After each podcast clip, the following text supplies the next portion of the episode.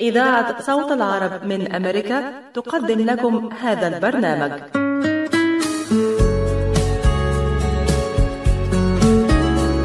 القهوة عالم يجمعنا بناس نشوفها نحبها ومن جوه قلوبنا تفوت. قلوبهم دايما شايلة حكاوي وذكريات. هنشاركها معاهم مع فنجان قهوة. أهلا بمستمعينا في كل مكان ولقاء يتجدد مع فنجان قهوة. معكم نتجول حول العالم ونأتيكم بفقرات ولقاءات نتمنى أن تضفي على يومكم بهجة وسعادة. هذا البرنامج يأتيكم برعاية تحس إنه إيديك عم تنمل أو كتفك عم يجمد أو أصابعك عم تورم ما عم تقدر تشتغل فيهم مثل ما بتريد. مرحبا أنا الدكتور عبد المجيد قطرنجي. زورونا بموقعنا الإلكتروني www.kachanjihandcenter.com لتتعرفوا على كيفية العلاجات لإصابات اليد والكتف والكوع. وإن شاء الله تقدروا تشاركونا بافتتاح مركزنا الجديد في تروي ميشيغان. ونتمنى لكم العفو والعافية. للمواعيد زورونا في عيادتنا الواقعة على 1565 في مدينة تروي البناء F أو اتصلوا بنا على الرقم 248-869-4263 That's 248-869-4263 العطاء قصة رائعة. بدايتها إنسان يهتم ونهايتها إنسان يحتاج. مؤسسة الحياة للإغاثة والتنمية ومنذ أكثر من 25 عاما تحمل عطاءك إلى من يستحقه ويحتاجه بغض النظر عن الجنس أو العرق أو الدين. فأينما تكون الحاجة تجد الحياة تقدم المساعدة الطبية والملاجئ وبناء المدارس والأوار الارتوازية وبرامج كفالة عوائل اللاجئين والأيتام وغيرها حسب الحاجة. للمساعدة في استمرار هذا الجهد الكبير امنح تبرعك المعفى من الضرائب اليوم إلى منظمة الحياة للإغاثة والتنمية عبر الموقع www.lifeusa.org أو الاتصال على الرقم المجاني 1-800-827-3543 قم للمعلم وفه التبجيل. كاد المعلم أن يكون رسولا. أعلمت أشرف أو أجل من الذي يبني وينشئ أنفسا وعقولا. يحتفل العالم أجمع باليوم العالمي للمعلمين سنويا في الخامس من شهر أكتوبر وبدأ هذا التقليد منذ عام 1994 لإحياء ذكرى توقيع توصية اليونسكو ومنظمة العمل الدولية لعام 1900 66 بشأن أوضاع المدرسين. تحتفل أكثر من 100 دولة حول العالم باليوم العالمي للمعلم تقديرا لجهوده ونزولا عند إيجابيات تلك المهنة الإنسانية التي تصنف كواحدة من أهم المهن على وجه الأرض. فالمعلمون هم بناة الأجيال وضمان الوصول إلى مستقبل آمن والمعلم هو المربي الثاني بعد الوالدين. وفي المقابل يمثل هذا اليوم مكانة وقيمة كبيرة عند جميع المعلمين فيشعرون بالتقدير والامتنان من طلابهم إليهم ويعرفون أن مجهودهم المبذول لم يضيع هباءً. بدأت تلك المناسبة تأخذ صداها الدولي منذ العام 1994 ويحتفل بها عدد واسع من الدول العربية ومنها مصر وسوريا والمملكة العربية السعودية والعراق وفلسطين الإمارات العربية المتحدة والكويت وغيرها. وتقوم منظمة الأمم المتحدة في هذا اليوم بالتعاون مع الإدارات التعليمية حول العالم بتنظيم عدد من الحملات العامة التي تهدف إلى تسليط الضوء على مهنة التعليم ومهام المعلم والدور الكبير الذي يقع على كاهله في تنمية الطالب وبناء المجتمع. وتركز أيضا تلك الحملات على مواضيع مختلفة في كل عام كتمكين المعلمين وهي حملة انطلقت عام 2017 وكانت تهدف إلى زيادة الرعاية للمعلم وسط مناشدات بحق الجميع في التعليم مما يفرض حق المعلم بأن يكون مؤهلاً. وبعد اعتماد هدف التنمية المستدامة الرابع المعني بالتعليم ودور المعلمين الرئيسي في تحقيق جدول أعمال التعليم لعام 2030 فقد أصبح اليوم العالمي للمعلمين فرصة للاحتفال بالإنجازات والنظر في طرق كفيلة بمواجهة التحديات المتبقية وذلك من أجل تعزيز مهنة التدريس مثل النقص الكبير في عدد المعلمين وتوطيد مكانة مهنة التعليم. ووفقا لمعهد اليونسكو للإحصاء فإن العالم بحاجة إلى 69 مليون معلم. إذا ما أردنا تعميم التعليم الابتدائي والثانوي بحلول 2030 ويركز الاحتفال الدولي لهذا العام باليوم العالمي للمعلمين على مساهمات المعلمين في عملية التعافي التعليمي بعد أزمة كورونا أو كوفيد 19 بشكل خاص وتأثيراتها طويلة الأمد على التعليم والتعلم في جميع أنحاء العالم. تختلف مظاهر الاحتفال باليوم العالمي للمعلم من دولة لأخرى وتتشابه هذه المظاهر في الدول العربية والتي بدورها تشبه الاحتفالات في دول مثل الفلبين وفيتنام حيث تقام الاحتفالات في المدارس بخطب وكلمات وقصائد وتقديم فقرات راقصة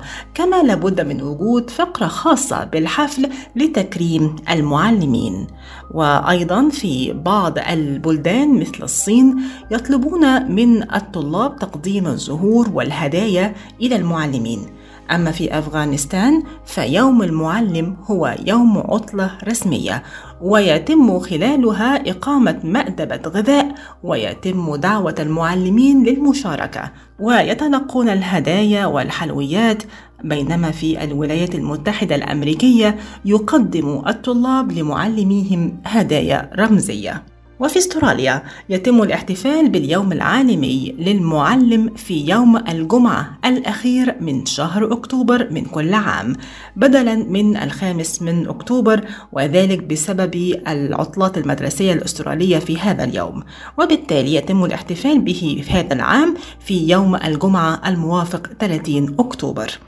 أما الهند فتحتفل بهذا اليوم في الخامس من شهر سبتمبر وفي الدول العربية وأغلبية دول العالم فتحتفل به اليوم في موعده المحدد. هذا البرنامج يأتيكم برعاية بينما كنا نجلس في بيوتنا مطمئنين كان علماؤنا يعملون ليل نهار لإيجاد لقاح لفيروس كوفيد 19 شكلت الأبحاث التي انطلقت منذ عقود حول أنواع أخرى من فيروس كورونا نقطة بداية في رحلة استغرقت أشهرا من البحث والتطوير بالتعاون مع خبراء من جميع أنحاء العالم. وبعد الحصول على نتائج سريرية واعدة لعشرات آلاف المتطوعين توصل العلماء أخيرا إلى لقاح آمن وفعال حيث تم حتى حتى يومنا هذا تلقيح مئات الآلاف من الأشخاص في ميشيغان. والآن أصبح مصيرنا بين أيدينا لنأخذ اللقاح في أول فرصة ممكنة ولنستمر في ارتداء الكمامة ولنأخذ الاحتياطات اللازمة حتى نصل إلى بر الأمان والتحرر من فيروس كورونا. للحصول على أكثر المعلومات مصداقية زوروا الموقع الإلكتروني michigan.gov/covid vaccine. هذه الرسالة بدعم من وزارة الصحة والخدمات الإنسانية في ولاية ميشيغان.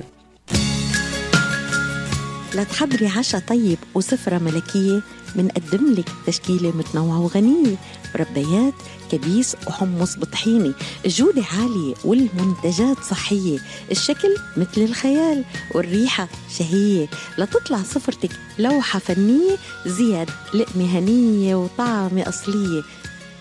منتجات زياد من عائلتنا. إلى عائلتكم. اختتم مهرجان الإسكندرية السينمائي لدول البحر المتوسط يوم الخميس 30 سبتمبر فعاليات دورته السابعة والثلاثين لهذا العام وحملت هذه الدورة اسم المخرج الكبير علي بدرخان بشكر المهرجان على إنه اهدى الدورة دي لاسمي. ويعني حاجة جميلة يعني. أنا بشوف إن دي أهم دورة في تاريخ مهرجان الإسكندرية. أستاذ علي اتربى على ايديه أجيال وأجيال وأجيال. اتربى اتربوا في الإخراج واتربوا في التمثيل وفي جميع الفروع. أستاذ كبير مش بس مخرج فقط ولكنه معلم. المعلم ده شيء عظيم إن كل الناس كل الأجيال اتعلمت على ايدين الأستاذ علي بدرخان. كل اللي اشتغلنا معاهم بعد كده كانوا يقول لك أستاذنا وتعلمنا منه. الأستاذ علي بدرخان شهد المهرجان عددا كبيرا من الندوات والفعاليات الفنية والسينمائية الخاصة بصناعة السينما كما قام المهرجان بتكريم العديد من كبار صناع الدراما في مصر والعالم العربي منهم الكاتبة كوثر هيكل ومدير التصوير والمخرج دكتور طارق التلمساني والمخرج علي بدرخان والمخرج محمد العدل والفنان دريد لحام وخالد الصاوي وأيضا الفنانة المصرية سلوى خطاب حاولت على قد ما أقدر أختار أعمالي بعناية كويسة وتعبت فيها ويعني أكبر حاجة كانت بتسعدني لما ألاقي الناس بتقابل ده بشكل كويس. وهم الحقيقة يعني الجمهور المصري أنا مدينة ليه؟ لأنه كان أكبر داعم ليا في المشوار ده. وخلال حفل الختام قام الناقد الأمير أباضة رئيس المهرجان بتسليم النجم السوري دريد لحام وسام عروس البحر المتوسط كما قام بتسليم درع تكريم للمخرج التونسي عبد اللطيف بن عمار. شكرا كثير شكرا لحضوركم. يعني حضوركم بيعطيني دفعة حماس إلى الأمام شكرا لمهرجان الإسكندرية شكرا لجمعية كتاب والنقاد السينمائيين في مصر. شكرا للصديق الأمير الأمير على دعوتي وعلى تكريمي في هذا اليوم اللي بفخر فيه كثير يعني أنا الآن عمري عمري خمسين سنة وأربعمية وأربعة وأربعين شهر بالتمام والكمال. ولكن الوقت اللي كنت في بداية حياتي الفنية بالعشرينات كان حلمي مصر. ورغم بلوغي السابعة والثمانين ما زال حلمي مصر. مصر اللي هي عاصمة الثقافة والفنون في العالم العربي. وحصد الفنان أحمد الأحمد جائزة أفضل ممثل عن دوره في فيلم الظهر إلى الجدار من سوريا وبيترا مارتينيز جائزة أفضل ممثلة عن دورها في الفيلم الأسباني هذه كانت الحياة. حرص القائمون على المهرجان أيضا على تكريم النجوم الراحلين عن عالمنا في عام 2021 وذلك عن طريق استعراض صورهم على الشاشة العملاقة في حفل الافتتاح وكان من ضمن النجوم الذين تم تكريمهم النجم الكبير الراحل عزت العليلي والنجم هادي الجيار والنجم الجميل سمير غانم وزوجته دلال عبد العزيز. وضمت قائمة النجوم الذين تم تكريمهم من قبل المهرجان النجم الراحل يوسف شعبان والفنان محمود عبد الغفار والفنانة أحلام الجريتلي والفنانة سوسن ربيع وأيضا عبد الوهاب خليل والفنان المصري مصطفى محرم وسيد عثمان. ضمت مسابقة الأفلام الطويلة لدول البحر المتوسط 13 فيلما. فمن فرنسا كان هناك الفيلمان خوان والليل مكاننا. ومن أسبانيا هذه كانت الحياة. أما المغرب فقدمت أناتو وقدمت أيضا فيلم مورجانا من مصر فيلم وش القفص؟ اليونان إكسبريس إكسبوليتيز ومن سوريا قدمت الظهر إلى الجدار. في لبنان يوسف وهذه الليالي المظلمة من البوسنة. أسدين في الطريق إلى البندقية من ألبانيا. الطريق المسدود من سلوفينيا. أما السباحة الحرة إلى الجبل الأسود فكان من ألبانيا. والآن معنا لقاء حصري مع مخرجة الفيلم الفرنسي خوان So my name is Louise M. I'm a movie director. I directed the movie which is called Juan, and the movie was shot in France and Paraguay. So we went to Paraguay with my cousin to look for his biological family because he was adopted by my uncle and my aunt 30 years before we went there, and he had never been back to his. It's my first time in Alexandria. It's not my first time in Egypt. Last time I was here for the festival in uh, El Kahira because I'm an actress and I was an actress in uh, Najwa Najar movies from Palestine. So it's my third time in Egypt, but, uh, but it's my first time in I hope great because for me those are two important symbols. The sea because of the water and the symbol of the mother and it's connected to my movie. Also because of today what is happening everywhere in the world with uh, with refugees everywhere and the sea is very important. It's for me it's Uh, for refugees, it means a lot. It means hope and it means hard travels as well. And the bridge is the bridge to connect different people, different um, different cultures, and it's very important to build bridges today because more and more countries build build walls. Yes. And for me, the bridge is a very important symbol. Yeah. It's hard for me to say because it's yeah. my movie, but the feedback I got is that the movie is kind of uh, human and international because it tells the story of a family which was separated. And as I mentioned before, all the refugees, etc., it's the case in different contexts, but it's the case of many people in the world. تميزت أفلام هذا العام بالتنوع وهو ما غلب أيضا على لجان التحكيم التي شارك فيها أعضاء من دول مختلفة مثل بوسنا وأسبانيا والمغرب وغيرها وهذا ما أكدته السيدة نايرا سانز عضو لجنة التحكيم للأفلام القصيرة My name is Naira Sanfuentes. I'm jury of this edition at Alexandria Film Festival. I come from Spain and I'm very happy to be here to be part of this film festival that uh, has all these films about the Mediterranean and puts in common films about different countries uh, to get to know the different countries and how they relate together. So I'm really looking forward to watch the films these days and also to have all these debates with my colleagues that I will meet shortly. And I'm very happy also to be here for the first time in this beautiful time, city. yeah. Yeah, Uh, I really like today to see all the sea and the sun and the right? Mediterranean. That's the thing. Yeah, we had a very nice fish, Oh, so wow. we enjoyed it. I'm like very shocked with so many people. I haven't been able to uh, look around that much, but I think it's uh, very nice weather and it's very very beautiful to have on one side the sea and on another side the beautiful bridge and I think it's going to be a wonderful this edition we are able to see very good interesting films that has been done also during the pandemic Yeah. because one of the things that have been interesting is that the imagination of creators Yeah. is very very big so when you have the will to create something you always find a way even Yeah. though the pandemic had or uh, created a lot of difficulty because Oh. a, a film is kind of slow to make.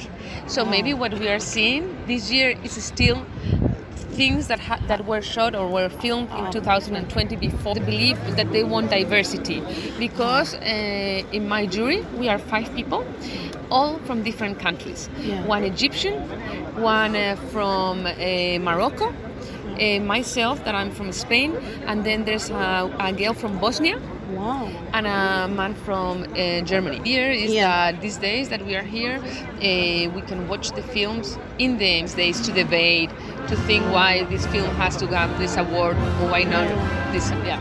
وأخيرا أصدر المهرجان 16 كتابا عن المكرمين ورموز العمل السينمائي بالإضافة إلى مجموعة من الكتب للاحتفال بمئوية عدد من رموز السينما مثل النجم الكبير كمال الشناوي الذي يحتفي المهرجان به نجما لامعا في سماء السينما المصرية على مدار أكثر من 60 عاما ويصدر عنه المهرجان كتاب الدون جوان والشرير والكوميديان من تأليف الناقد السينمائي الدكتور وليد سيف وعن حياة المعلم محمد رضا.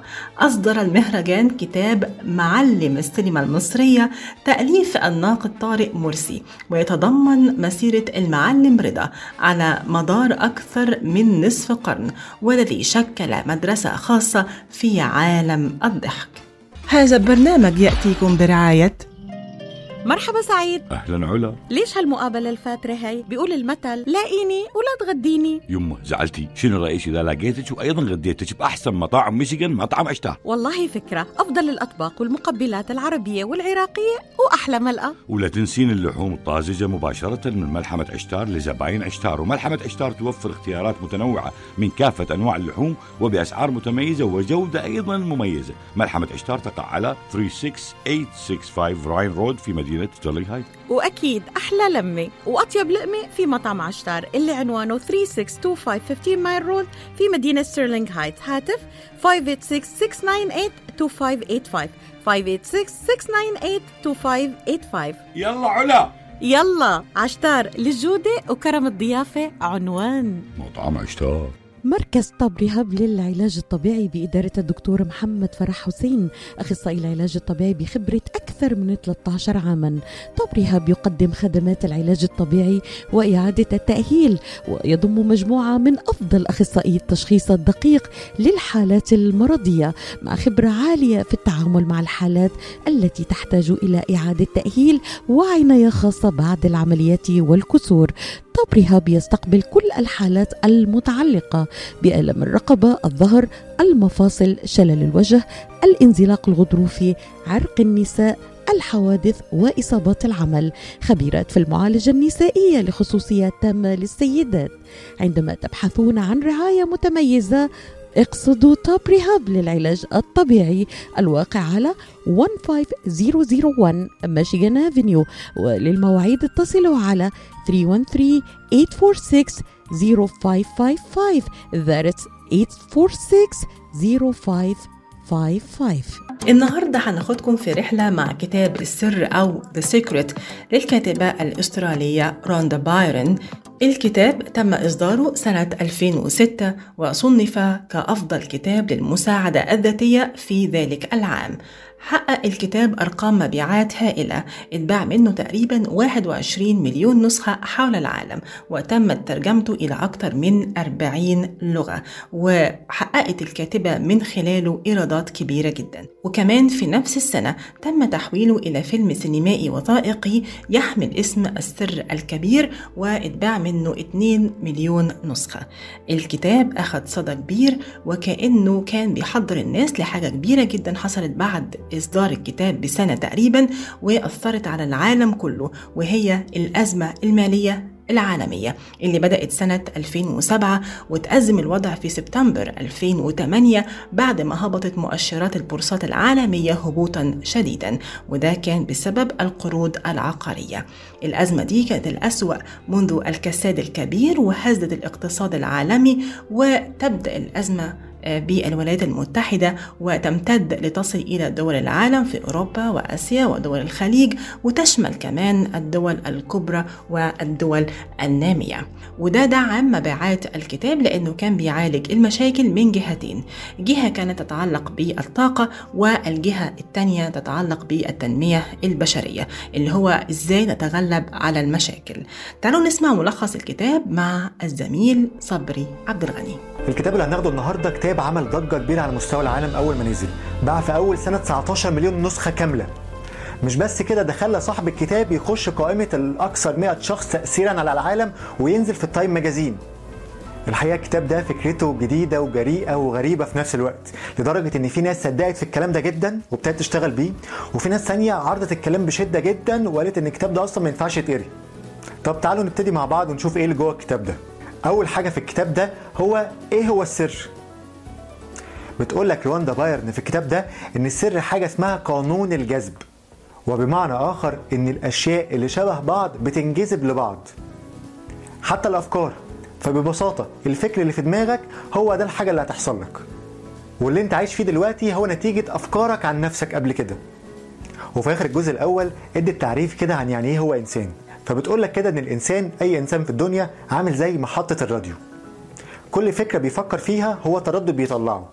التردد ده بيطلع للعالم كله وبيجذب إليه الحاجات اللي شبه الفكرة اللي طلعها ويرجعها تاني للمصدر اللي هو محطة الراديو اللي هو حضرتك. يبقى أول حاجة كده بتقول لك إن الأفكار اللي في دماغك بتترجم لحقائق وحاجات على أرض الواقع. يعني هي من الآخر بتقول لك في أول جزء فكر في أي حاجة هتحصل لك. فكر إن أنت هتكون غني هتكون غني. فكر إن أنت هتكون مخترع هتكون مخترع. فكر إن أنت هتكون رئيس هتكون رئيس. فكر في أي حاجة هتحصل لك. طب تاني حاجة بقى إيه هي الشروط اللي المفروض أعملها عشان التفكير بتاعي ده يتحول لحقيقة على أرض الواقع؟ بتقول لك في شرطين مهمين جدا لازم يتعملوا. أول شرط هو إن الحاجة دي تكون مستمرة تفكير مستمر. تاني شرط إن أنت يكون عندك شعور جيد. يعني إيه الكلام ده؟ تعالوا أشرحها لكم بمثال. لو أنت مثلا عايز عربية فلو انت فكرت ان انت عايز عربية وخلاص كده والتفكير بتاعك ده انتهى وابتديت تفكر في حاجات تانية يبقى ده مش تفكير مستمر. التفكير المستمر هو ان انت تصحى من النوم الصبح تقول آه أنا عايز عربية. تيجي تنام بالليل تقول آه أنا عايز عربية. كل ما تشوف عربية تقول آه أنا عايز العربية. ومش عايز أي عربية وخلاص لا أنت عارف عربية محددة أنت عايزها بلون محدد بكل حاجة. طب إيه فكرة الشعور الجيد؟ فكرة الشعور الجيد هي إن أنت حاسس دايما العربية دي هتجيلك. أنت مبسوط وأنت بتفكر في العربية. مش بتقول يا ده أنا نفسي في العربية دي لا بالعكس بتقول يا رب ده أنا بشكرك إن أنت هتجيب لي العربية دي. الحمد لله يا رب على العربية دي. بتتخيل كده إن أنت سايقها وإن أنت مبسوط قد إيه عشان أنت سايقها وصوت الكلاكس بتاعها عامل إزاي وفي الزحمة بتمشي إزاي وبتجري إزاي على طريق سريع وبتتخيل كل الحاجات دي وبتبقى مبسوط بيها. هو ده معنى كلمة شعور جيد. يعني لو اتحقق الشرطين دول ان انت بتفكر على طول في الحاجة وان انت عندك شعور جيد أو شعور ايجابي ناحية الحاجة دي هتتحقق؟ آه. بس في حاجات كده بقى سميتها أدوات مساعدة. نقدر نحط الأدوات المساعدة دي تحت كل ايتم في الاثنين دول.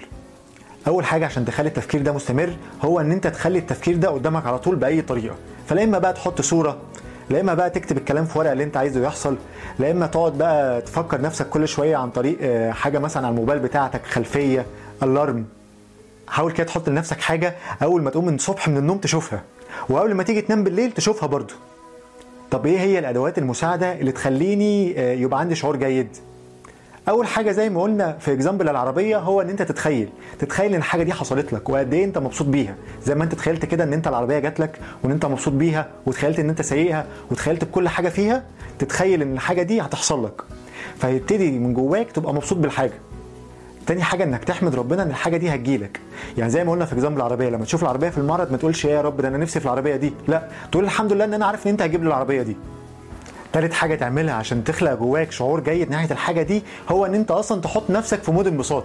فتتفرج بقى على حاجة كويسة تسمع موسيقى كويسة تلعب مع طفل صغير وتدمج الشعور ده زي ما قلنا مع التفكير المستمر.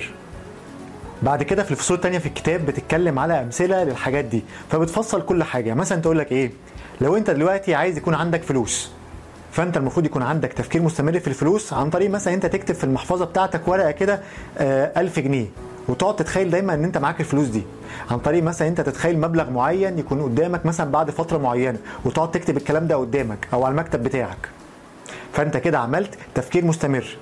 وكمان الناحية التانية انت تتخيل لما الفلوس دي هتجيلك هتعمل إيه؟ إيه الحاجات اللي انت هتجيبها؟ إيه الحاجات اللي انت هتغيرها؟ العربية اللي انت هتجيبها جديدة، الشقة بتاعتك الجديدة وهكذا، وقد إيه ان انت مبسوط بالحاجات دي، فانت كده دمجت تفكير مستمر مع شعور جيد. في فصل تاني من الفصول مثلا تتكلم عن الشغل فتقول لك ان انت لو عايز تترقى لحاجة معينة لازم تحط الحاجة دي في دماغك على طول لازم يبقى دماغك مركزة ان انت هتكون الحاجة دي تكتب على المكتب بتاعك مثلا مدير عام كذا كذا كل يوم وانت رايح الصبح تبقى انت عارف ان انت رايح مش قايز ان انت الموظف اللي رايح دلوقتي لا ده انت رايح كأنك المدير ده. تتخيل كده بعد ما تترقى إيه الحاجات اللي انت هتغيرها في الشركة وهتدير الناس اللي تحتك إزاي وايه التغييرات الجذرية اللي انت هتعملها. في فصل تاني مثلا بتتكلم عن العلاقات وإن أنت لو عندك علاقة مثلا صعبة في حياتك إيه الحاجة اللي أنت عايز تخلي العلاقة دي توصل لها؟ وإيه يا ترى الشعور الإيجابي اللي هيوصل لك لما تخلي الحاجة دي توصل لها؟ وإزاي تركز على الموضوع ده؟ بتتكلم برضو في فصل تاني عن الصحة وبتقولك إن أنت لو عندك أي مشكلة صحية أو أي مرض إن أنت برضو لو فكرت إن أنت تخف من المرض ده على طول وأنت تبقى إنسان سليم وعندك شعور جيد دايما ناحية الحاجة دي فأنت برضو هتخف. فمن الآخر كده قوتك ومستقبلك في أفكارك. ده كان ملخص كتاب The Secret أو السر. طبعا أنا متأكد إن في ناس كتير جدا هتعترض على الكتاب ده لأن فيه طبعا أفكار بتخالف تقاليدنا وعاداتنا وقواعدنا. ولكن خليني أقول لكم من وجهة نظري إيه اللي كانت روندا بايرن عايزة تعمله. روندا بايرن كانت عايزة تعمل حاجة اسمها focus كانت عايزة كل واحد يركز على جول معين في حياته يركز على هدف معين. فلما انت تركز على الهدف ده جامد جدا وتقعد تتخيله جامد جدا هتلاقي انت نفسك بتعمل الحاجات اللي توصلك للهدف ده من غير ما تاخد بالك انك بتعملها ومن غير ما تتعب ان انت بتعملها وهتعدي اي حاجة عشان تعملها. يعني مثلا لو واحد عايز يجيب 100% في الثانوية العامة وهو ده أمله عايز يجيب 100% هتلاقيه لو حط الهدف ده في دماغه 100% هتلاقيه لوحده بيصحى الصبح بدري يذاكر بيجيب كل الكتب ويخلصها هتلاقيه حتى بيجيب كتب بره المنهج ويقراها لو هي ليها علاقة بس بالمنهج عشان يضمن ال 100% بتاعته. وده من وجهة نظري اللي كانت رواندا بايرن عايزة تعمله إن أنت تحط هدف في دماغك وتركز عليه بكل طاقتك فتلاقي إن أنت كل حاجة في حياتك بتشتغل ناحية الهدف ده. هذا البرنامج يأتيكم برعاية وست الحسن شايفك لازم بيد حالك عن إلي ساعة عم بستناك. مشان نروح نتغدى بالشام. الشام إيه بالشام ومو بالشام. شلون صارت هي؟ بدل ما نروح نتغدى بالشام إيه. جابوا لنا الأكلات الشامية الطيبة لعنا لهم. وشلون بقى؟ هذا مطعم دماس عم يعمل كل الأكلات الشامية الطيبة هو طيبة طيبة كتير. شرفوا نتغدى سوا بمطعم Damas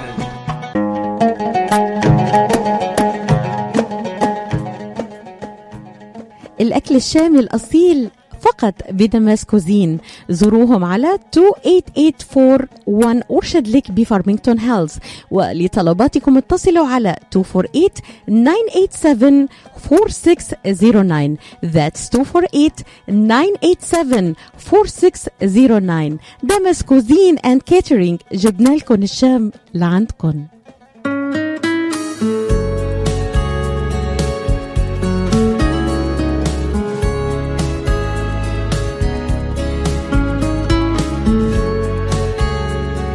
تجديد الطاقة مع اختلاف فصول السنة وتنظيف طاقة المكان من وقت للتاني أو عند الانتقال لمكان جديد. التخلص من الكسل واستقبال حياتنا بنشاط كل ده هنعرفه مع دكتورة حنان زينال خبيرة العلاج بالطاقة والريكي. كنا قبل ما نسجل كلمتيني عن طقس كده معين بتعمليه في, في كل ربع سنة. أيوه كل كوارتر صح كل ربع سنة كل ثلاث شهور. عايزاكي تقولي لي بقى ال- ال- الطقس ده. بصي إحنا عندنا تغيير فصول كل ثلاث شهور 21 3 21 6 21 9 21 12 أنا كل تغيير فصل لفصل تاني بروح البحر.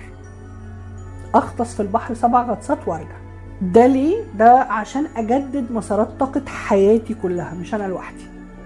ودايما أروح لحتة فيها موج تقليبة.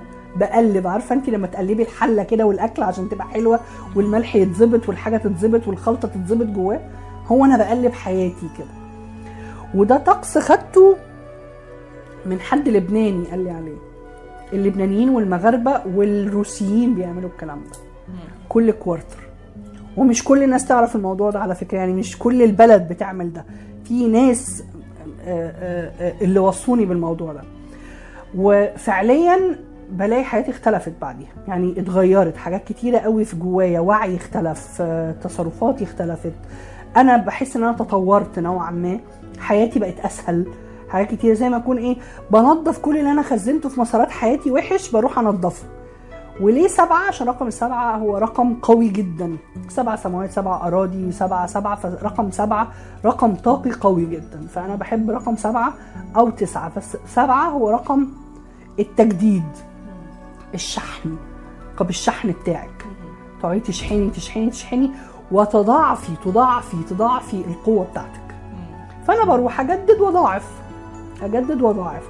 ساعات الظروف ما بتسمحليش إن أنا أعمل دوت آه، فبختار مثلا جزء من السنة. يعني لو أنا مثلا رحت الخريف في تغيير الخريف هروح الخريف اللي بعده لو ما عرفتش أعمل كل كوارتر بروح كل سنة. أو كل نص سنة. فأنا آه، طقس ال- ال- ال- الطقوس دي أنا بحب آه، يعني أخلي الناس تعملها وتحسها تستشعرها. ودي حصلت مع حد من صحابي جت قلت لها إيه، تعالي جربي كده وشوفي. حياتها اختلفت بعد السفرية دي. إحنا رحنا 24 ساعة.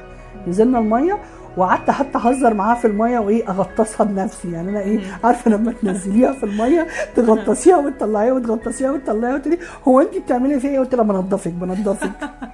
رجعت حياتها اختلفت تماما. بقت شخصية تانية خالص هي نفسها حست بالتغيير. فهي نفسها بتقول إيه مش هنروح تاني؟ يعني هي نفسها لما حست بالتغيير مش هنروح تاني؟ فاحنا على موعد رحلة تانية برضه. إن إحنا نروح. نجدد ده. فتخشوا المية؟ نخش المية نغطس. ننزل بكل جسمنا. كل جسمنا تحت المية ونطلع. من مكان تاني. آه يعني ون- مش لا. من نفس الطريق. لا لا لا. يعني لو أنا رحت مثلا هنقول عندنا في اسكندرية رحت من طريق في اسكندرية برجع من- يعني لو رحت الطريق الصحراوي برجع الزراعي. أو بغير حتة منه. أو حتى لو هروح بحتة أطول شوية وأرجع من الصحراوي برضه. فاهمة إزاي؟ أطلع على برج العرب وأرجع من برج العرب فاهمة؟ بس أغير حاجة في السكة. فاهمة إزاي؟ زي ال- ال- لما بيقول لك لما تروحي بيت عبادة صحيح جامع أو كنيسة روحي من طريق وارجعي من طريق ليه عشان. تلمي إيه تلمي حسنات إن انت رحتي برجليكي ورجعتي برجليكي فبتاخدي طريق أطول أجدد طاقتي كل ربع سنة مم. من خلال إن أنا أروح آه، البحر إن أنا أجدد طاقتي من خلاله مم. طيب لو أنا هروح من مكان لمكان مم. يعني أنا هعزل من بيت لبيت مم. آه سفر من من من بيت ل- في في, مكان لسفر مكان تاني خالص. آه أجدد طاقة المكان اللي أنا موجودة فيه إزاي؟ لا ما هو قبل ما هروح لازم أ... أ... يعني قبل ما أفرش وأعمل وأسوي لازم أعرف هل البيت ده كان في حد ساكن قبله قبليه فيه ولا هو جديد؟ أنا أول سكن. طريقة التنظيف دي غير طريقة التنظيف دي. لو كان في ناس ساكنين مثلا قبل. لو في ناس ساكنين التبخير نوع البخور والتنظيف هيبقى أطول لأن في ذبذبات فيه اوريدي فأنا بعمل تنظيف آه، آه، اولا بخ... ب- بنظف البيت بمية وملح برش ال- الحيطان نفسها ببخها بمية وملح وبعد ما بعمل دوت بستنى ثلاث أيام وأنضف تاني وأبخ ال- الأركان مع القراءات القرآن أو الايات ال- ال- المغفرة أو الحمايات آه، في أركان البيت مع آه، آه، مية الورد. وبعديها بثلاث أيام تانيين أمسح برضو بمية وملح وأبخر باللبان عدني أو بمريمية أو صندل. خلاص؟ وأقفل البيت أسبوع وأرجع أنضفه وأفرش. شوفي أنا عملت كام مرحلة؟ يعني ثلاثة في ثلاثة في ثلاثة في سبعة في وبعد كده أفرش. يعني إحنا بنتكلم في وقت يعني آه يعني آه، لازم بتتكلمي في وقت قبليها مثلا إيه 15 يوم أو أو أو أو 21 يوم. لكن؟ آه، ما ينفعش آخد حاجتي أقعد في البيت على طول. لأ لأن ذبذبات الناس اللي فيها هتلاقيها مأثرة على ذبذباتك انت على طول. آجي بقى بيت جديد لسه أنا في أول فرش ليه ليا. كل اللي هيحصل إن أنا هنضفه بميه وملح وأرش وأقفله أسبوع وأرجع إيه أنضفه وأفرش. فهو الفرق أسبوع؟ هل وجود حيوان أليف في البيت ده شيء كويس؟ على حسب نوع. زي إيه مثلا؟ يعني القطط أنا أحلى من الكلاب بالنسبة لي. الكلب بره بيتك مش جوه بيتك. وكل الحيوانات بره سريرك. ايا كانت. ايا كانت بره سريرك. ليهم مكان يناموا فيه لوحدهم. يعني ده نوع من أنواع النظافة يعني ولا؟ لا لا نوع من أنواع الطاقة. الطاقة عشان طاقة أي حيوان هتبقى موجودة عندك. وخدي بالك القطط ممكن تعمل حساسية. الكلاب آه، ممكن تعمل ريحة. فاهمة؟ في ال- في المكان. ليهم ريحتهم بتاعتهم. مش عدم نظافة. بس آه، وخاصة في أمريكا كل الناس متعلقة بالحيوانات وبيناموا في سريرهم. أنا مش ضد تربية الحيوانات بالعكس أنا بحب الحيوانات جدا وبعالجهم. لكن أنا ضد إن هم يبقى جوه حقل طاقتي. لأنه في الآخر أنا هاخد منه وخدي بالك الكلاب انت بتتعلقي بيها لدرجة إنك بتستغني عن الدنيا كلها بيه. فبتنعزلي. لأن طاقته أخادة بتاخدك من الكون. عنده طاقة جذب. آه وحب مفرط وبيغير عليكي وبيجري عليكي فبالتالي ممكن تستغني بيه عن أي حد. فطاقته بت- بتاخدك من من العالم بتاعك. القطط طاقتها بتلم طاقتك السلبية. تاخدها منك وخلاص وتمشي. وهي بتنظف نفسها بنفسها بتعرف تعمل ده. السلحفة بتدي طاقة طاقة آه، زي ما بيقولوا صحة وعمر. لأنها طويلة العمر وحامية نفسها بنفسها. فاهمة؟ وتعرفك على فكرة. السلاحف في ناس كتير قوي ما تعرفش إنها بتميز صاحبها. وتكلمه ولما الجوع تيجي تخبط بدماغها كده بجسمها ال- الناشف ده على الباب تقول لك أنا جعانة أكليني. خلاص؟ وده لاحظته مع مامتي. أنا لا ادخل لها أكل ولا بتعبرني ولا تعرفني أصلا اللي هو إيه عارفة إيه شيء ما. عارفة مبهم بالنسبة لها. ماما تخش أو ماما تتأخر عليها تخبط عليها. وتيجي لما تلاقيها يوم كام يوم غابت عنها أو كانت تعبانة وراقدة تروح جاية لها. كنت فين؟ وتقعد تحاورها وماما تقعد تكلمها تقول لها إيه معلش غصب عني كنت عيانة حقك عليا ما تزعليش. كده. لأن يعني الواحد بيحس إن السلحفة دي آه ملهاش أي دور في الحياة. يعني لا بالعكس على الشمال مش موجود بالعكس بقى مش عايزة أقول لك وبتتحاور وبتتكلم وبتيجي و... و... وعارفة وبتجري وتلعبي بتحط لها كوره تقعد تجري وت... واللي هو إيه هو أنت كنت بت- بتخدعينا في حتة إن أنت بطيئة؟ لا. صحيح. لا لا. بصي آه، كائن لطيف جدا في البيت. و... وحطيه في أي حتة. يعني حطيه في صندوق حطيه في أي حتة كده هو بياخد ركنه. حطيه في البلكونة. لما حطيه في جنينة. براحته خالص. وبيقعد يعني السلحفة نفسها تلاقيها خدت ركنها وقعدت فيه. في نقطة كنا اتكلمنا فيها بس ما كملناش اللي هي موضوع الكسل والخمول.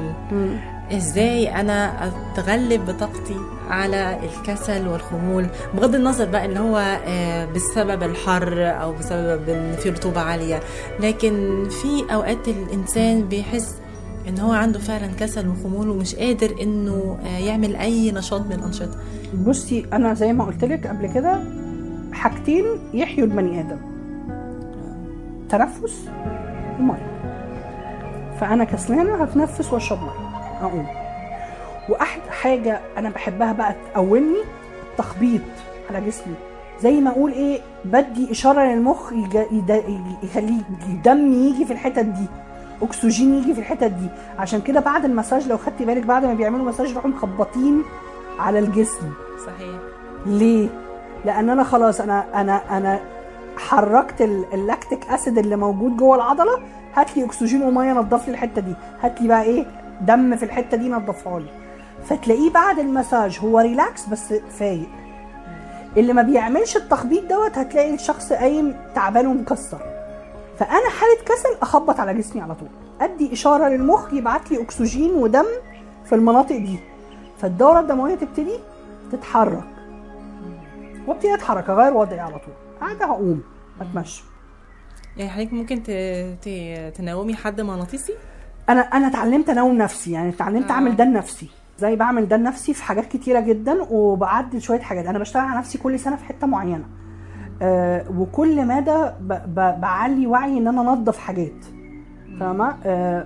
وآخر حاجة عملتها دلوقتي إن أنا من أول شهر سبعة وأنا بشتغل على ال- الفاشة اللي أنا بقولك عليها على الميموري بتاعت خلاياي اكتشفت إن أنا شايلة كمية حاجات في أعضاء جسمي في الكبد والبنكرياس والطحال والقولون والكلى آه، والمرارة والحاجات دي كلها وأنا معرفش يعني أنا فاكرة إن أنا عديت الموقف لقيت كمية grief وحزن أنا شايلاه جوايا ومش بتاعي لوحدي بتاعي مع الناس اللي عالجتها وأنا كنت فاكرة إن أنا نضفته وأنا اكتشفت إن أنا ما نضفتوش.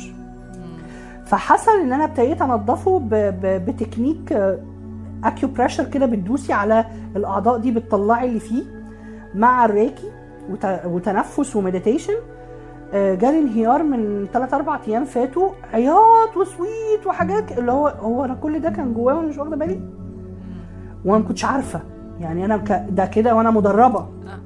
هل كان في أعراض بتحسي بيها؟ أو يعني كنت الأول مثلا ألاقي نفسي مورمة وأنا مش مورمة ليه وأعمل كل حاجة في الدنيا ممكن تشيل الورم ده ما ما يروحش. اكتشفت إنها مشاعر مخزنة وأنا مش واخدة بالي. ألاقي مثلا آه، آه، ظهري قفش فجأة بدون أي حاجة. لا عملت حركة غلط ولا أي حاجة. بدون أي حاجة. وأنا قاعدة قمت ما ما اتحركتش. وأعمل التكنيكات اللي عارفاها كلها. اكتشفت إن هي متخزنة في الفاشة بتاعتي في ذاكرة ال- الخلايا وأنا مش عارفة. فطبعا آه، لما ركزت بقى في نفسي لا قعدت بقى إيه ما ورايش حاجة غير حنان. يعني أنا حنان دلوقتي هي شغلي الشاغل.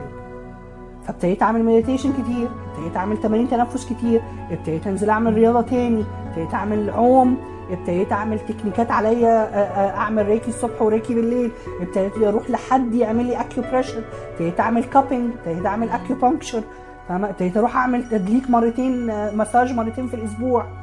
كل الكلام ده أنا كنت حارمة نفسي منه مشغولة في الدنيا وعجله الدنيا واخداني والحياة. فلما ابتديت لا أركز ابتديت أعمل هوايات بحبها. ابتديت أروح أتعلم حاجات أنا نفسي فيها. فابتديت عايشة الحنان بس. لا الموضوع فرق كتير. لدرجة إن أنا خسيت خمسة كيلو في في 10 أيام وأنا ما عملتش أي مجهود ولا غيرت أكلي ولا غيرت أي حاجة. لقيت جسمي بيرفض حاجات ياكلها وبيطلب حاجات تانية ياكلها. لقيت لا بعمل صيام متقطع لوحدي. لا أنا مش عايز آكل أنا مش جعانة. بصحى من النوم عايزه أشرب مية. فاهمة؟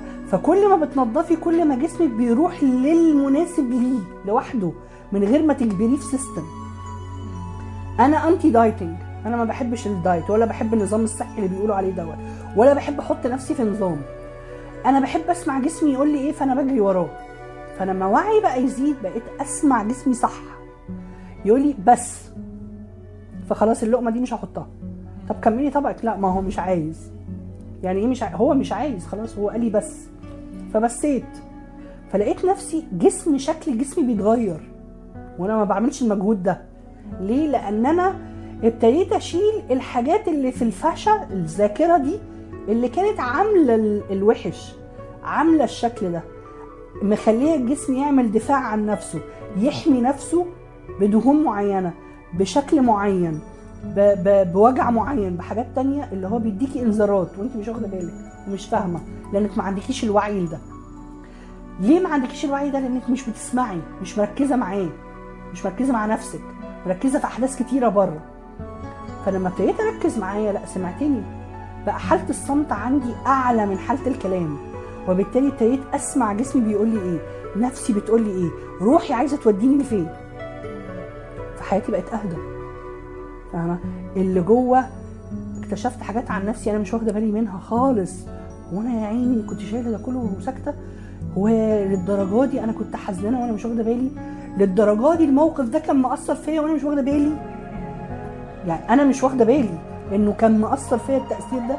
وأنا كنت إيه من ظروف الحياة حتى ما حاولتش أطبطب على نفسي. ما خدتش الوقت المناسب لنفسي إن أنا أقعد إيه أخد بالي منها وأقول لها معلش وأطبطب عليها.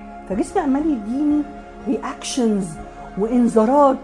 في وجع هنا ووجع هنا ووجع هنا ووجع هنا وشعر يقع أو يتقصف يبقى مقصف ومحروق وهو أنا ما عملتلوش حاجة.